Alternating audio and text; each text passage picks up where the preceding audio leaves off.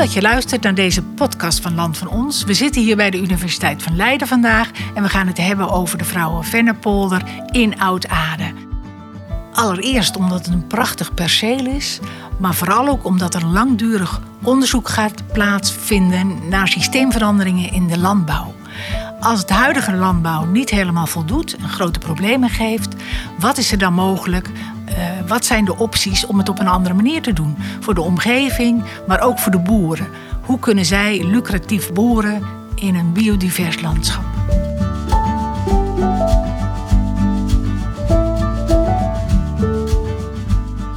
Nou, we zitten hier aan tafel met Lovie van der Mercier, perceelcoördinator bij Land van Ons voor het perceel de Vrouwen Vennepolder uh, gesitueerd in Oud-Aarde. En met Maarten Scharma, assistent-professor van de Universiteit van Leiden, die betrokken is met het onderzoeksprogramma uh, wat er uitgevoerd gaat worden bij Land van Ons.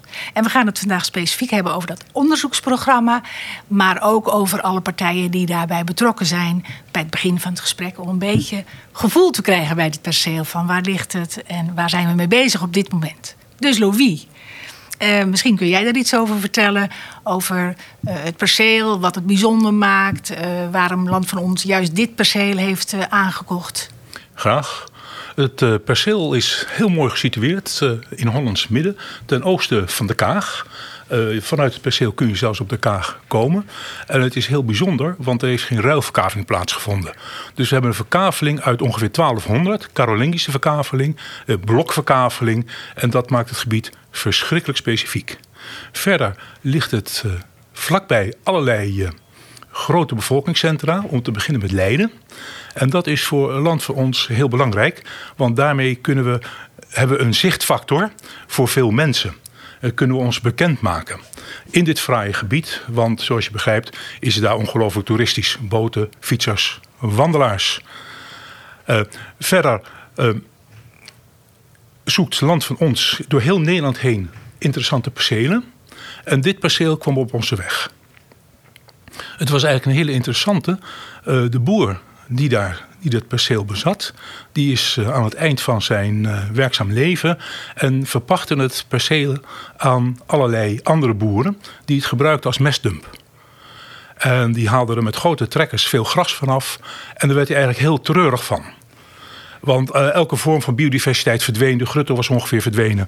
Alle andere weidevogels ook. Dus toen hij van Land van Ons hoorde... heeft hij onze voorzitter, onze oprichter Frank Remery gebeld. En zo is het balletje gaan rollen. En toen Frank daar op het terrein stond, kreeg hij een ingeving, had een telefoonnummer. En hij belde Maarten. En zei: Maarten, we hebben hier een perceel bij jou om de hoek. Is dit niet interessant om hier onderzoek naar te doen? Want in dit gebied leven verschrikkelijk veel problemen. En Maarten zei ja, begrijp ik. En Maarten zei, want hij zit hier aan tafel. Kun je iets vertellen ook over de andere instituties die betrokken zijn bij dit perceel? Want dat maakt het ook bijzonder. Ja, ja dat is, uh, wij willen hier ingewikkelde dingen. En op de eerste plaats, we hebben 21 hectare gekocht. Uh, om goed onderzoek te kunnen doen, moet het water omhoog. En dat lukte niet met deze 21 hectare, want er zaten nog 10 hectare in dit deel van de polder uh, die we niet bezaten. Dus we hebben, zijn we langs de gemeente gegaan. Die samen, 13 gemeenten werken in deze regio samen in Holland-Rijnland. Twee derde ligt in Veen, een derde ligt op de geestgronden. En we zijn daar gaan buurten eh, van, goh, kunnen jullie ons helpen? En Holland-Rijnland heeft ons eh, subsidie toegezegd eh, om ons bij te staan die resterende 10 hectare te kopen. Dat is gelukt. Dus Hollands-Rijnland is misschien niet bij iedereen bekend. Holland-Rijnland is de samenwerkingsverband van deze 13 gemeenten onder voorzitterschap van uh, Leiden. Uh, dat strekt zich uit eigenlijk van gemeenten vanaf Hillegom op de Geestgronden tot en met Nieuwkoop naar het oosten toe. Dus heel veel veenweidegebieden. Dus daarom is het ook voor Holland-Rijnland interessant dat daarvan onderzoek gebeurt. Uh, dat is de eerste, de onderzoeksgever. Uiteraard hebben we met de gemeente te maken voor allerlei vergunningen. Wij willen daar, bijvoorbeeld in samenwerking met Naturalis... voor de voorleggingsfunctie, een klein pandje neerzetten. En dan loop je onmiddellijk tegen het bestemmingsplan aan van de gemeente. Dus we hebben uh, te maken met de gemeente. En vervolgens willen we het water omhoog brengen. En dan komen we het Hoogheemraadschap tegen. En het aardige is, het eigenlijk inspirerende is, al deze organisaties werken mee. Ze willen graag. al deze organisaties hebben ongeveer dezelfde doelstelling. Eh, en dat is een leefbaar landschap. Dat is uh, toekomstvaste agrarische activiteit. Dat is verbinding stad-platteland. Maar ook, en dat is voor ons, land voor ons heel belangrijk, biodiversiteit. En daarnaast spelen gewoon de, de, zaken uh, als daling van het land, zoutkwel, CO2-uitstoot, stikstofuitstoot, methaanuitstoot. Maar Louis, het, het, gaat inderdaad om verschillende uh, partijen. Land van ons heeft een hele duidelijke doelstelling natuurlijk, hè, vergroten van biodiversiteit. Um, die andere partijen die hebben andere belangen. Die leggen misschien ergens anders de, de nadruk op. Uh, hoe komen dat soort partijen dan weer bij elkaar? Of in dit geval natuurlijk bij de vrouwen Vennepolder. Oh, er zit een gemeenschappelijke noemer in. Uh, voor andere partijen is misschien biodiversiteit niet op één, maar er staat hij op drie. En wij hebben landschappelijke waarden ook hoog staan. En dat staat dan weer bij een Holland-Rijnland bijna op één. En zo vinden we elkaar. We hebben ongeveer de, dezelfde doelstellingen, maar met een iets andere prioriteit. En dat is de gemeenschappelijke factor. Ja. En dat maakt het zo sterk. En als ik jou nou uh, vraag van waar staan jullie nu? Dan uh, zijn alle instituties die uh, staan heel positief. die hebben vergunningen subsidies afgegeven of zijn uh, in de laatste fase van het afgeven van vergunningen. En we zijn nu bezig met plannen maken om het gebied in te gaan richten. Dat uh, daadwerkelijk, jammer genoeg, de directlijns toch even het gebied in moeten om het in te richten. Oké, dankjewel Louis. Helder verhaal. We gaan over naar Maarten. Maarten, jij bent gebeld door Frank Remery, vertelde Louis net. Hoe ging dat verder? Het was, uh, het was 3 januari. Ik zat op de Schelling in een huisje en er belt iemand op en die zegt: Wij gaan een heel groot gebied hier aankopen. En wij vragen ons af of de Universiteit Leiden daar misschien een rol in het onderzoek zou kunnen spelen. Dan denk je eerst van: Dit is wel een heel raar telefoongesprek. Zo'n telefoongesprek heb ik normaal nooit. Um, maar daarna denk ik wel van ja, dit is, zal ook wel serieus zijn. En uh, nou, van het een kwam het ander. En, en, en al heel snel bleek dat, dat niet alleen ik, maar ook heel veel mensen hier in Leiden dat, dat heel erg zien zitten. Omdat je moet weten, wij zijn als onderzoekers vaak bezig met allerlei projecten. Wij zijn vaak heel vraaggericht bezig. En dat betekent dat we heel vaak in een of ander ver buitenland terechtkomen. Waar we ook weer niet persoonlijk verantwoordelijkheid voelen voor de dingen die we daar doen. Terwijl we voelen wel een heel grote verantwoordelijkheid richting het landschap rondom ons heen. Maar omdat vaak van het een het ander komt, is er niet zomaar een mogelijkheid om daar echt iets te betekenen. En bovendien, als universiteit even een heel groot gebied aankopen om het daar helemaal anders te gaan doen, dat gebeurt natuurlijk niet. Dus wij zagen dit echt als een gouden kans om dit, waar we het al heel lang met heel veel collega's ook over gehad hebben, om hier iets mee te gaan doen. Ook omdat het in het onderwijs fantastisch is. We zijn vandaag weer begonnen met de minor Biodiversity. Dat zijn 40 studenten. Die zijn geselecteerd uit een lange lijst mensen op eh, basis van motivatie. om zelf bezig te gaan met biodiversiteit in het landschap. En zo'n proeflocatie, waar we van alles kunnen doen. als we dat samen met studenten kunnen doen. Dan, dan, snijdt het mes voor ons aan meerdere kanten. Want wij moeten natuurlijk onderwijs doen en onderzoek. Nou, als we dat met z'n allen kunnen doen, dan is dat een geweldig, een geweldig. En is dat eigenlijk ook weer een brug tussen platteland en stad, hè? Wat ook beoogd wordt met uh, dit project. Dus, dus, dus, eigenlijk... dus eigenlijk waar, het was een soort no-brainer voor ons. Wij, wij dachten, oké, dit, dit, hier moeten wij gewoon mee bezig gaan. En toen ook de optie opkwam om dan vervolgens met Holland-Rijnland, de gemeentes, om hieromheen uh, uh, voor financiering te gaan. Dat, dat geeft, en als dat dan lukt, dan geeft dat aan dat er ook genoeg dat er genoeg wil is vanuit de lokale omgeving. En dat is heel belangrijk, want je kunt ook een Europees project aanschrijven om zoiets te doen. Maar dan heeft iedereen het idee dat het hoog over je heen besloten wordt. Dus wij, wij hebben geprobeerd om ook, nou ja, het is gewoon ook heel goed gelukt om dit echt vooral met iedereen samen dit project op te pakken. Nou, Louis schetste dat natuurlijk al heel mooi. Ja, mooi. Dus. Kun jij iets vertellen over het onderzoeksproject? Hoe dat ja, opgebouwd nou ja, ik wou Nog even, Marja, ontzettend bedankt dat je me hier uitgenodigd hebt. Ik vind het heel leuk dat ik hier eh, iets over kan vertellen. Ik denk ook dat het heel goed is, omdat er heel veel vragen over zijn. Hoe zit dat nou precies? He, land van ons, we gaan toch gewoon biodiversiteit promoten in het landschap. En wat ik, wat ik, wat ik je wil vertellen hier, is dat, dat biodiversiteit niet op zich staat. Wat, wat, wat ons betreft, mij als bioloog, kan, kan biodiversiteit en de vergroting van biodiversiteit in dit gebied ook een sleutel zijn voor het oplossen van heel veel van die andere problemen. Oplossen van problematiek met betrekking tot bodemdaling, stikstofuitstoot, broeikasgasemissies, uh, verzilting. daar zit allemaal een hele sterke biodiversiteitscomponent in. En soms is de biodiversiteit leidend, of heel vaak is de biodiversiteit leidend, in het vinden van de oplossingen om bij die dingen te komen die andere mensen ook willen.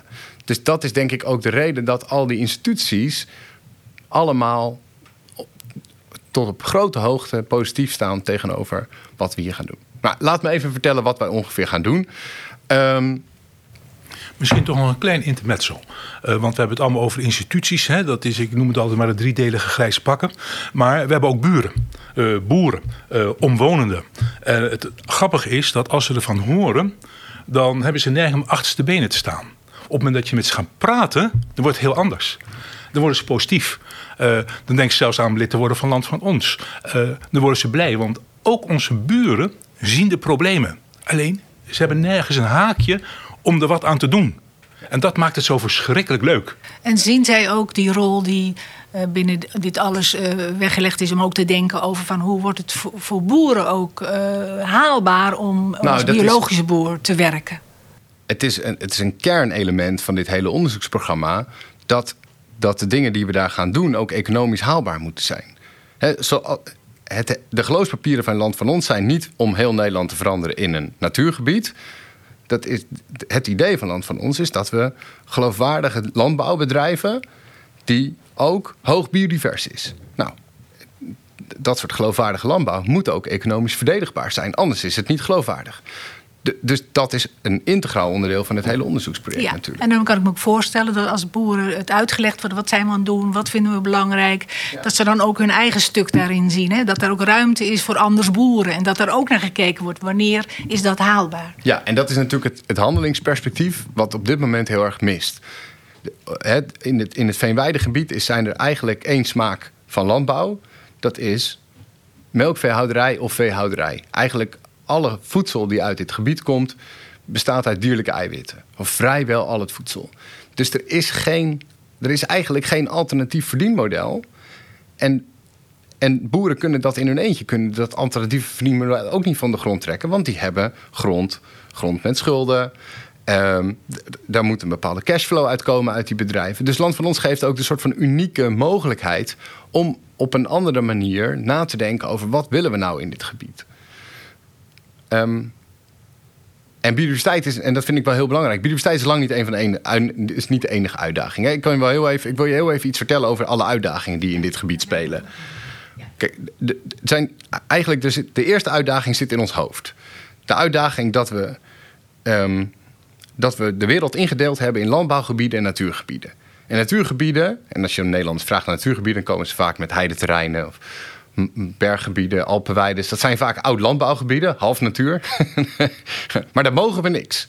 Daar mag je eigenlijk niet uit oogsten. Daar mag je niet op een of andere manier gebruik van maken. En dan hebben we aan de andere kant de landbouwgebieden, die vaak zeer monotoon zijn. Waar, waar, waar, waar, waar niet van boeren wordt verwacht dat ze daar hoge biodiversiteit in het vaan. We waarderen ze er in ieder geval niet voor. Op geen enkele manier. Ze krijgen niks betaald daarvoor. En dus verdwijnt dat ook uit dat soort systemen. Dus we hebben de wereld in die twee onderdelen ingedeeld. En omdat het grootste deel van de wereld agrarisch is, verdwijnt dus al die biodiversiteit. Dus de eerste, eerste uitdaging is dat we in ons hoofd af moeten van, van, die, ehm, van dat onderscheid. De volgende uitdaging is dat we natuurlijk die biodiversiteits um, de kentering moeten bereiken. Maar om te begrijpen wat er nou gebeurd is, is natuurlijk na de Tweede Wereldoorlog uh, ideeën als nooit meer honger. Nederland moet een belangrijk exportland zijn en blijven en worden. Um, en wat je ziet is dat, dat, dat in, eigenlijk in heel Nederland op enorme schaal alle weidevogels zijn verdwenen. Maar wat ook heel belangrijk is, is dat het aantal boeren met precies dezelfde hellingshoek is verdwenen die boeren zijn niet alleen die, die, die, die, die beesten in het landschap en die planten, die hebben geen perspectief. Maar voor boeren is, heeft zo'n landschap, landschap eigenlijk ook geen perspectief. Dus het gaat er ook, die, het terugkrijgen van de biodiversiteit in zo'n gebied gaat ook gelijk op met het teruggeven van perspectief aan die boeren. Eventjes over dit stuk. Um, Dus natuurlijk na de Tweede Wereldoorlog inderdaad was het van nooit meer honger. Ja. Je ziet nu ook dat. Dat, is ook... eigenlijk niet, dat klopt eigenlijk niet helemaal. Dat is eigenlijk nooit gezegd. Dat, is, dat zeggen wij nu, maar dat is eigenlijk nooit heel erg. uh, Het klinkt ja. goed natuurlijk, Ja. nooit meer honger. Klinkt goed. Ehm, maar je ziet nu ook dat er, eh, Land van Ons kijkt op een bepaalde manier naar die landbouw. Hè. Die zegt ook dat gaat samen met die biodiversiteit. Maar je ziet bijvoorbeeld ook bij andere grote partijen in Nederland dat die naar een heel ander model kijken. Hè. Die kijken meer naar eh, technische mogelijkheden, misschien lichtere machines, strokenlandbouw, maar dan wel allemaal grootschalig. Ehm, hoe, hoe plaats jij dit verhaal eh, binnen die twee lijnen in Nederland? Nou, die, die, die, die, die, technologische innovaties die gaan eigenlijk nog steeds verder op het idee dat je dus landbouwgebieden hebt die je maximaal, waar je maximale productie uit moet halen, zodat je ruimte over hebt waar je natuur kunt hebben. Maar wat we zien is dat eigenlijk de biodiversiteit in die natuurgebieden afneemt, omdat het grootste deel van die landbouwgebieden eh, zo intensief gebruikt wordt, dat, dat gaat eigenlijk niet goed. Ehm, maar een ander deel van de discussie is dus de vraag of wij de verantwoordelijkheid hebben als Nederland om ons landschap zo intensief mogelijk te gebruiken om de wereld te voeden. Nou, ik vind dat een, een hele slechte vraag. Ik denk niet dat wij in Nederland, waar wij 0,05% van het voedsel in de wereld produceren, minder dan 0,05%, dat, dat, dat wij verantwoordelijkheid, dat, dat komt niet met verantwoordelijkheid. Ehm, dus ik denk dat we af moeten van dat idee dat wij verantwoordelijkheid hebben. En ik denk dat we ook toe moeten naar een systeem waar we proberen juist de biodiversiteit in die systemen te integreren. En dat is ook de visie van Land van Ons, hè? Dat denk ik wel, ja. Ja, Ja. ja. oké. Ehm, nou, de, de, de- die uitdaging, hè, de- dus die, die afname van die biodiversiteit... en zeker in het veenweidegebied, die is enorm gelijk opgegaan... met een, een gigantische daling van de bodem in het veenweidegebied. Want dat, dat komt namelijk dat op het moment dat jij veen begint te ontwateren... dan, ehm, ehm, ja, dan klinkt het in. Of eigenlijk vervliegt het gewoon in de vorm van koolstofdioxide. Dus het draagt ook enorm bij aan broeikasgasemissies... Ehm, en, en, en klimaatverandering en alles wat daarmee gepaard gaat. Maar het, het belangrijkste is dat die bodem enorm inklinkt. En de enige manier om te blijven landbouwen in dat soort gebieden is harder pompen. Dus wat hebben wij gedaan? Wij hebben heel hard gepompt, zodat we nog harder moesten pompen.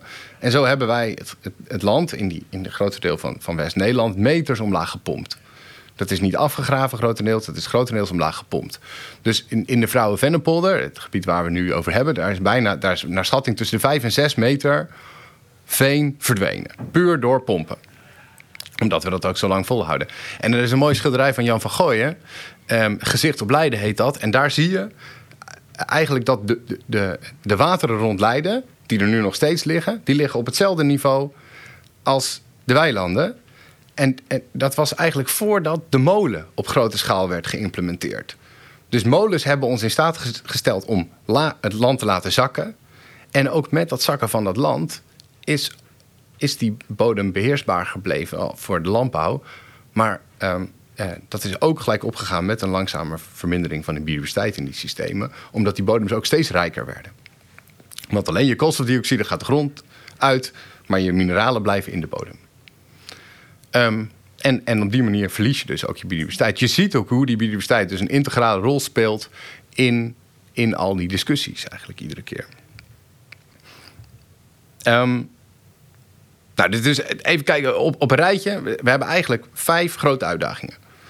We hebben het verlies van biodiversiteit, maar dat gaat gelijk op met een enorme emissies van broeikasgassen. Stikstofemissies door die, door die verrijking van die bodem, ook hele grote hoeveelheden bemesting. Het langzame oprukken van zeewater uit de ondergrond. Want op het moment dat je bodem steeds lager komt, krijg je dat het zoute water steeds eh, hoger komt te zitten. En dat is natuurlijk helemaal niet goed voor je agrarische productie. Ehm, en ook nou, een verlies van perspectief voor de boeren. En een enorm onbegrip tussen de burgers, vooral in de steden, en het platteland.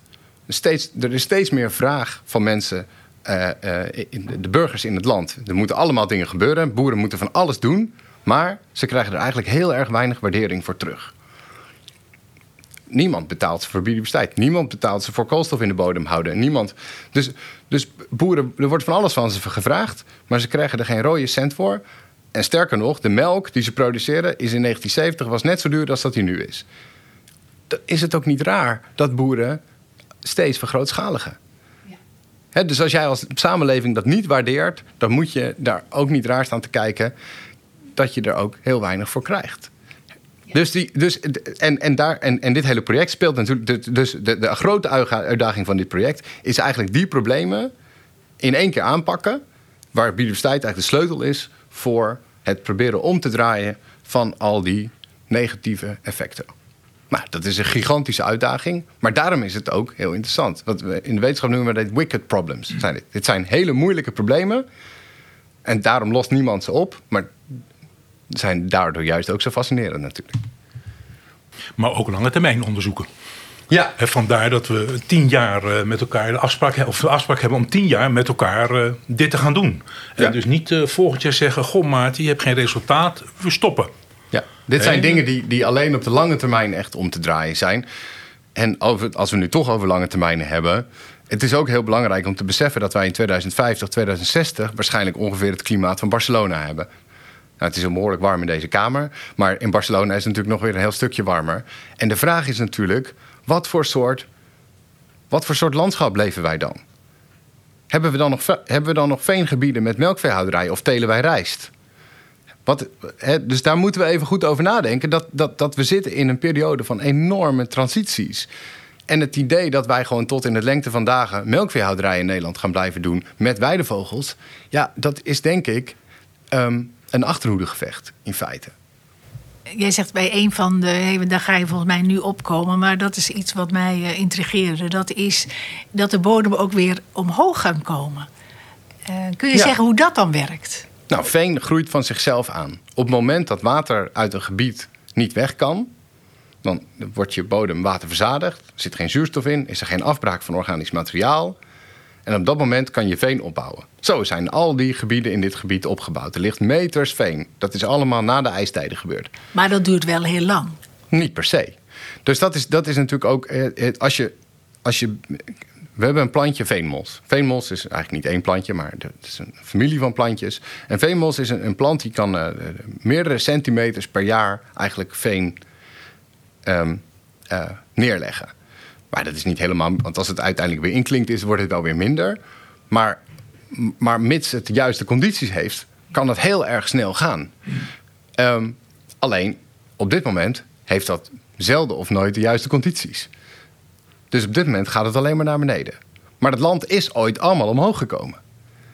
Dus dat heeft al een keer plaatsgevonden, ja. Het is helemaal niet gezegd dat dat land alleen maar naar beneden kan de grote uitdaging zit hem niet per se in dat veen omhoog laten komen. De grote uitdaging zit hem in wat is dan het bedrijfsmodel voor de boer? Ja. Daar moeten wij mee bezig. Kan je daar ook eh, als boer een boterham van, eh, van verdienen? Wat voor gewassen kan jij telen in zo'n situatie? Um, en dat zijn, dat zijn het soort dingen die we daar gaan onderzoeken. En eh, met, wat, uh, met welke disciplines doe je dat? Hè? Want nu heb je het eigenlijk heel erg over eh, een bedrijfsmodel ontwikkelen. Uh, op, op het perceel waar we het nu over hebben. Nou, er is, Leiden is een hele brede universiteit. Dus ik zit hier als, als ecoloog, als milieuwetenschapper. Maar Leiden heeft net het Livable Planet programma gestart. Dat is zijn archeologen. Dus ze willen ook weten, wat zit er in de ondergrond? Wat voor landschappen kwamen hier voor? Welke vegetaties hebben dit veen gevormd? Daar hebben we de archeologen voor. We hebben sociologen, antropologen, bestuurskundigen. Allemaal binnen het Livable Planet programma. Want, want al deze zaken hebben natuurlijk ook een hele sterke component van, van hoe gaan we dat met z'n allen regelen. Dit is niet een paar ecologen die bedenken hoe je dat gaat doen. Nee, je, je, moet het, je moet het samen met de boeren doen. We kunnen het alleen maar samen met de boeren. Wij gaan, niet, wij gaan daar niet lopen boeren. Dat kunnen we helemaal niet. We kunnen een beetje nadenken, in het beste geval. En uiteindelijk uh, moet iemand anders het doen. Dus we, we, kunnen dit alleen maar samen met de boeren. Maar om het project een succes te maken, moet het een springplank worden. En die vertaling, om het echt een springplank te maken, moet je natuurlijk mensen met, vanuit andere disciplines die snappen hoe je dat doet. Hoe maak je dit een, een, een, een boodschap voor een groter gebied? En dan heb ik het niet alleen maar over Holland-Rijnland. Dat is natuurlijk het eerste waar je aan denkt. Maar ook Zuid-Holland als geheel. Uh, er ligt een hele brede strook veen langs de hele Nederlandse kust. Van, van, van, van, van Zeeuws-Vlaanderen tot aan, uh, tot aan Noord-Friesland. Maar als je nog verder gaat, gaat het helemaal tot aan Estland, Letland, Litouwen.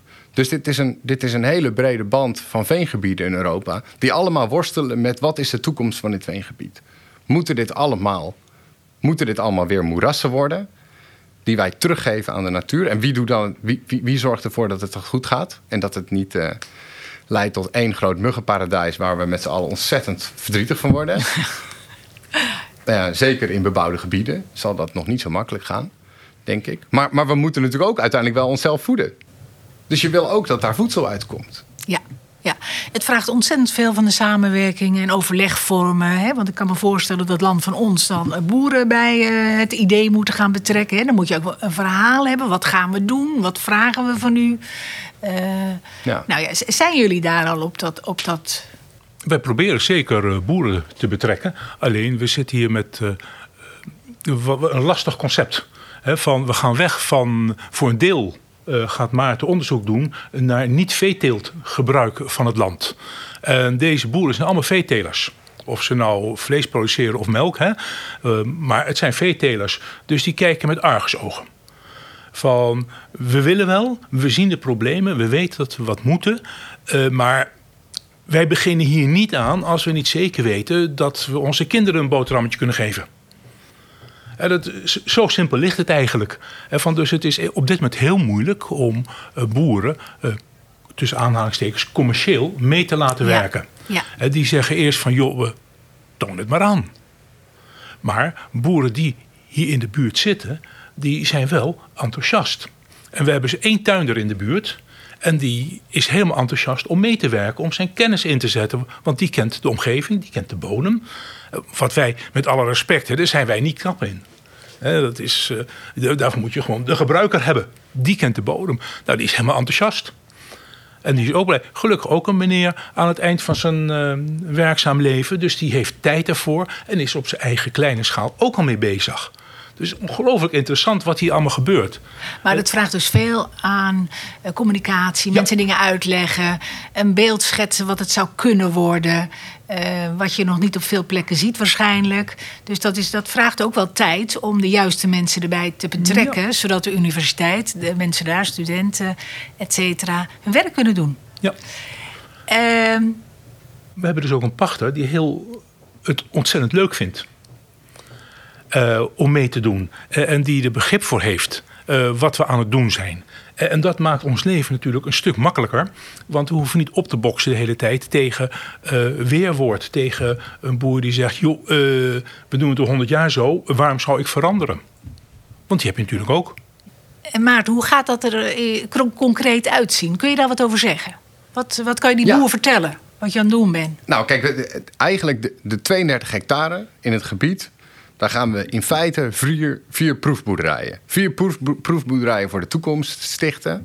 Die allemaal een, een, een beheersvorm krijgen die, die, iets verder van, die steeds verder ligt van de comfortzone van een gewone boer.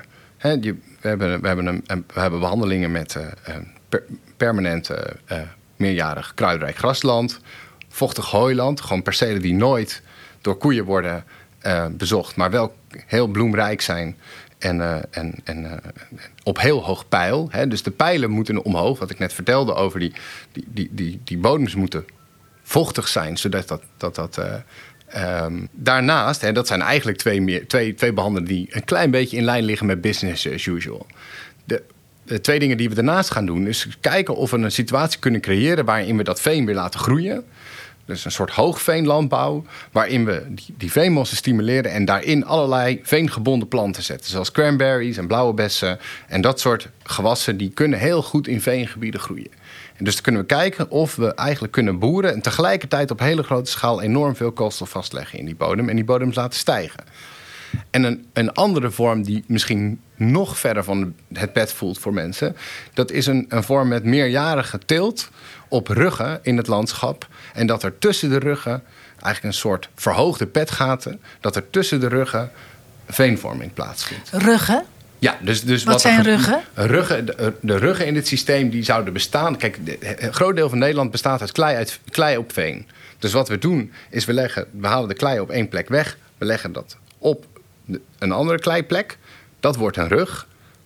Wat overblijft is een laag veen. En op dat veen kan je het veen weer opbouwen. Dus dan heb je een rug en tussen die twee ruggen, dus als je meerdere ruggen naast elkaar legt, dan heb je daartussen een, een, een, een, een veenvormend geheel. En op die ruggen kun je allerlei gewassen telen. Dus dat is de manier om het landschap waarschijnlijk ook heel snel te laten stijgen. Ehm, of theoretisch is dat uh, eigenlijk, ik denk dat als ik mag gokken, dan is dat eigenlijk de beste, my best guess. Dat, dat zal op grote schaal, denk ik, um, um, veenvorming stimuleren, maar ook een enorme biodiversiteit met zich meebrengen, omdat dat eigenlijk de vegetaties voor een groot deel terugbrengt die daar ook vroeger dat veen gevormd hebben.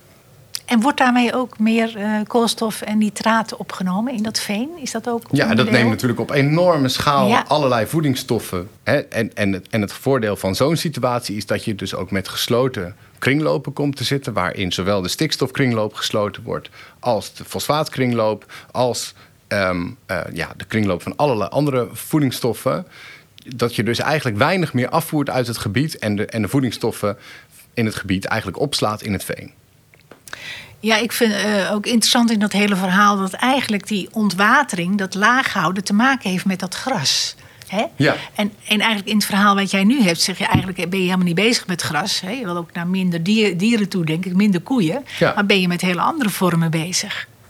Ja, de, ik, wij hebben natuurlijk een studentenpopulatie en, uh, en, en, en de helft van onze studentenpopulatie is veganistisch. Nou, dat geeft al een beetje aan dat een heel groot deel van de mensen op deze planeet helemaal niet zo enorm zitten te wachten op dierlijke producten over 100 jaar. Er zijn natuurlijk al genoeg mensen die echt als een idioot barbecuen. Dat is ook allemaal prima, daar doe ik verder geen uitspraken over. Maar het geeft wel aan dat een gebied als het Adveen-Weidelandschap heel erg behoefte heeft aan andere ideeën voor teelten. Ja. Um, en, en, en daar speelt dit natuurlijk op in. Hè? Dus je hoeft niet gras te telen. Gras heeft heel veel behoefte aan lekker, aan, aan, aan, aan lekker veel bodem die droog is. Want dan kan je goed diep wortelen. Dan is in het begin van het jaar de bodem al warm. Dan kan het snel groeien. Kan je er meerdere extra sneeën van afhalen. Dat is natuurlijk prettig. Daarom ontwateren we zo diep. Als, het, als de waterstand heel hoog is, is de bodem heel koud, groeit het gras heel slecht. Maar veenmos die willen helemaal niet ontwaterd worden. Sterker nog, veenmos kan alleen maar in water groeien. Dus je snapt meteen ja. dat een andere vegetatie, en in dit geval een veel biodiversere vegetatie, ook met zich meebrengt dat dat, uh, dat, dat veen kan groeien. Oké. Het project bestaat uit drie fases. Kun je daar iets over vertellen, over die verschillende fases? Nou, die, die, die, fases liggen in jaren niet helemaal vast. Maar het, we beginnen natuurlijk, en, en onze ambities zijn torenhoog, hè, dat geef ik meteen toe. Maar wat we willen is, is, is iets neerzetten. En zodra we weten, na drie, vier, vijf jaar. We leggen dus eerst die vier proefboerderijen neer. Na drie, vier, vijf jaar willen we weten. Wat, wat werkt hier goed? Kunnen we delen daarvan? Of misschien dat hele ding als geheel. Misschien is dit wel de beste versie met die vier proefboerderijen in iedere polder. Dat betwijfel ik. Maar kunnen we dat ook weer transponeren naar andere gebieden? En dan kan je zeggen, moet het land van ons ook die andere gebieden opkopen? Dat is een mogelijkheid, maar dat lijkt mij niet per se nodig. Het lijkt mij juist het allermooist als jij andere mensen inspireert om hetzelfde te doen, zonder dat land van ons al dat mm, half Nederland hoeft te gaan beheren. Dus ik weet niet zeker of ik dan, uh, of mijn mening daar gelijk is aan hoe dat in land van ons werkt. Maar ik, ik denk, het, het mooiste is als je de wereld kan inspireren, zodat je het niet allemaal zelf hoeft te doen. Dat scheelt een hele hoop werk. Um, en bovendien laat het ook zien dat je de goede dingen doet. En dat willen we natuurlijk eerst in de omgeving. En als het in de omgeving werkt, dan weten we ook een beetje onder wat voor meer setting het werkt. En dan na een jaar of acht, tien willen we kijken of we ook het op andere plekken in, in Nederland, of misschien zelfs in het buitenland, ook kunnen uitproberen, dit soort dingen. Klinkt goed. Klinkt goed. Super ambitieus. Ik weet niet, ik hoop dat ik het overleef. Nou, ik vind het wel mooi dat die uitbreiding ook heel erg uh, aanwezig is. Hè? Het inspireren van anderen. Uh, dat, het gaat niet om dat stuk of om dat perceel. Het gaat eigenlijk om een hele grote beweging die je wilt maken. En waarvan je nu ziet dat er behoefte aan is. Hè? Er zijn al vragen, wat is nou biodiversiteit? Je leest er erg veel over. Veel mensen zijn ermee bezig. Maar het is niet helemaal duidelijk van... Uh, een systeemverandering hè, die eigenlijk jij en Land van Ons voorstaat. En waar je nu eigenlijk een ontwikkeling ja. mee maakt. Maar dit, het mooie is dus, kijk, deze polder is eigenlijk Nederland in het klein. Of in ieder geval het veenweidelandschap in het klein. Het, al die polders, veen is overal weer anders. Maar ik denk, als het in deze polder kan, dan zou ik niet weten waarom het niet ook op andere plekken ook kan. En dat is ook het mooie van een polder. Je kan allerlei dingen beheersen. Stel, je moet in het buitenland, moet je zeggen, nou, we gaan een beekvallei gaan we veranderen. Ja, dat is niet te doen eigenlijk. Dat zijn enorme lappen grond. Maar hier hebben we een, een klein watersysteem, relatief klein watersysteem, waarbinnen we eigenlijk met alles kunnen spelen. Dus we kunnen een geloofwaardig modelsysteem neerleggen, een model voor Nederland in de toekomst. En dan willen we natuurlijk dat dat model ook ja, uiteindelijk daadwerkelijk model staat voor andere gebieden. Ja, en wat, dan kunnen we volgens mij over naar fase 2. Hè? In fase 1 heb je het ontwikkeld, heb je gekeken van wat werkt en hoe, hoe werkt het goed. En wat doe je dan in fase 2? Nou, dan willen we weten, is het transponeerbaar? Klopt het inderdaad dat wij een, een, een, een, een model hebben wat, wat, uh, uh, ja, wat opgaat voor een breder gebied? Of was het, was het toch, was alles wat we daar, daar deden uniek voor die ene polder? Dat zou natuurlijk een enorme tegenvaller zijn. Maar dat moet je wel even testen. Je kan wel van de daken gaan schreeuwen dat het iets is wat je overal kan doen. Maar als je bij de eerste beste uitbreiding erachter komt dat het allemaal niet kan, ja, dan. Uh... En maar ik denk, dat uh, Nederland ja. enorm, ik denk dat Nederland enorm dit soort initiatieven nodig heeft, omdat eigenlijk staat, staat de Nederlandse regering staat wat dat betreft, we staan met z'n allen met de rug tegen de muur in feite. En we kunnen nu een terugtrekkingsplan maken voor West-Nederland. Over 100 jaar staat de waterspiegel eh, van de zee een meter, anderhalve meter hoger. Over 200 jaar 2,5 meter hoger. Dat zoute water uit de ondergrond, dat houden we niet tegen op termijn. Kunnen we dan leven in een zoute delta, wat een soort archipel wordt... en dat er misschien wel overal malaria-muggen zitten... omdat het tegenwoordig 30 graden is. En ik vermoed dat, het steeds, dat West-Nederland steeds onleefbaarder wordt. Dus we moeten, we moeten geloofwaardige toekomstvisie hebben... over, over hoe wij over 100 jaar hier kunnen wonen. Ja, en in die tweede fase ga je daar heel erg mee aan de gang. Hè? Eigenlijk is dat heel erg een, een communicatieve fase... waarin je allerlei mensen probeert te, te enthousiasmeren in Nederland... en wellicht ook in het buitenland. Verwacht je dat mensen bij jullie langskomen om uh, te horen hierover? Je, bent, je staat nu aan de, aan, de, aan de start, maar over vijf jaar... Uh, er moeten meer mensen geïnteresseerd zijn in. Ja, ik denk dat we. Ik, ik denk dat. Het hangt natuurlijk helemaal van het succes af. Als we, we moeten met z'n allen er een succes van maken. En ik ben, er, ervan overtuigd dat als het lukt om bij elkaar te blijven en er dus succes van te maken, dat het een voorbeeld voor de wereld kan worden. Maar als, wij, als, we, als, als we elkaar verliezen, hè, dingen die mislukken, daar kun je wel proberen van te leren, maar dat is altijd heel moeilijk. Dus we moeten wel alles, in, alles op alles zetten om er inderdaad met z'n allen een succes van te maken. En op het moment dat dingen een succes zijn en je kunt een plan schrijven voor een andere boer om te zeggen dat en dat en dat moet je doen. Om dit ook te doen, dan weet ik zeker dat mensen in de rij zullen staan om te zien met eigen ogen of het klopt. Want zo werkt de wereld. dat heb ik wel geleerd de afgelopen twintig jaar. Dat het schrijven van wetenschappelijke papers over dit soort dingen is vrijwel zinloos. Als je het niet kan laten zien. Dus je moet het kunnen laten, zien. Oké. Hey, en zitten we dan nog in fase 2? Of, uh, of wij inmiddels al in fase 2 nee, zitten? Nee, ik bedoel nu in ons verhaal, in jouw verhaal. Uh, wat uh, gebeurt er dan in fase 3? Nou, in fase 3, daar willen we... Kijk, als je nu naar de kaart van Europa kijkt in 2100... hoe zien grote delen van, van Europa eruit? Het ziet eigenlijk dat alle kustzones... dat zijn eigenlijk alle veengebieden, verdwenen zijn. Die mensen hebben inspiratie nodig om na te denken over hoe kunnen wij zorgen dat dat land de zeespiegelstijging bij kan houden. En daar gaat dit eigenlijk over. In Kunnen we zorgen dat, we in andere, dat we in fase 3 inspiratie aan andere delen van Nederland geven om, om, om te gaan met zeespiegelstijging. En niet door hogere dijken te bouwen. Want ik ben ervan overtuigd dat, dat dat soort technologische oplossingen op termijn heel erg lastig zullen zijn. Op het moment dat je, dat je, dat je rivieren steeds minder water voeren in de zomer, omdat de gletsjers steeds kleiner worden, heb je gewoon niet meer het zoete water om je lagere delen van je land door te spoelen. Ja. Dat is het grote probleem. En al te veel zoute kwel kun je eigenlijk niet in leven. Dus je moet op een of andere manier die zeespiegelstijging bijhouden. En anders, dat, het alternatief is dat je het moet verlaten. Nou, dat wil eigenlijk niemand. Dus we proberen daar inspiratie te geven. Ja, en wij zijn niet de enige. Hè? De, vinden op een heleboel plekken vinden dit soort uh, proeven plaats. Uh, wat, wat, uniek is aan ons uh, project is dat het helemaal volgens alle wetenschappelijke normen gebeurt. er vinden heel veel projecten plaats waar ze een teelt uitproberen. Waar ze een maatregel uitproberen. Maar niet in gezamenlijkheid en niet een, op een wetenschappelijk verantwoorde wijze. En al helemaal niet met zo'n geweldig burgercollectief zoals, uh, zoals Land van Ons. Nee, want nee, daar ben ik serieus over. Hè. Dan denk je, nou, leuk grapje. Nee, dat is geen grapje. Dat is ontzettend belangrijk. Want de, de, de, de, hoe zeg je dat? Eigenlijk uh, de wedge. Hoe noem je dat? De, de, de, de, de, land van ons heeft, is erin geslaagd om eigenlijk een debat wat zwaar verkokerd was te doorbreken. als het, als het, het waterschap of de, de, gemeente of de wetenschappers of wie dan ook zou komen met, het, met een idee dat ze, um, uh, dat ze iets gingen doen, dan neemt iedereen de rituele posities in en gebeurt er niets. De kracht van de burger. Nee, de heel belangrijk is. Uh, het is ook zo bij dit uh, project dat er heel veel uh, scholen ook bij betrokken zijn, begreep ik. Hè? Ook, ja. of het idee om ze te gaan betrekken. MBO, HBO, universiteit uiteraard. We zitten hier op ja. de Universiteit van Leiden. Ja.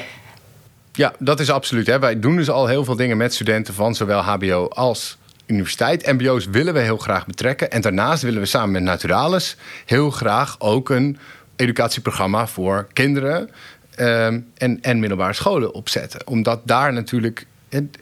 Er gaat maar heel weinig aandacht vanuit het onderwijs naar dit soort dingen. Terwijl die, dit, is, dit is de toekomst van de mensen in dit gebied.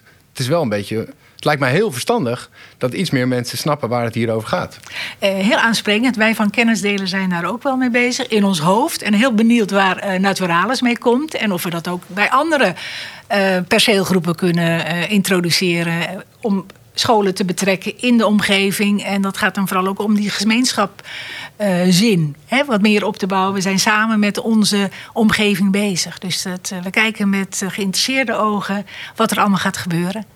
En tot slot, Louis, waar, waar sta jij aan het eind van het onderzoek? Of land van ons? Wat is je droom? Wat zien we over tien jaar? Nou, dat is een hele ingewikkelde vraag. Uh, want we hebben het over heel, heel veel problemen. Maar, maar wat ik zie is een, eh, een landschap waar de boer gewoon een net inkomen kan verdienen. Niet de slaaf is van een of andere financier. En waarin burgers uit de stad. Uh, als tegenstelling van buitenlui, hè, ehm, waar, waar de mensen uit de stad zich betrokken voelen bij het land. En zich echt verantwoordelijk voelen bij het land. En het leuke is dat we het begin hebben gemaakt. Namelijk, het zijn denk ik met name stedelingen die geld geven aan land van ons. Ja, mooi. Dankjewel. Dankjewel Louis en uh, Maarten. Uh, de luisteraar natuurlijk ook heel erg bedankt voor het luisteren naar deze podcast. Mocht je nog meer willen weten van Land voor Ons, ga dan naar de website www.landvanons.nl. Graag tot de volgende keer.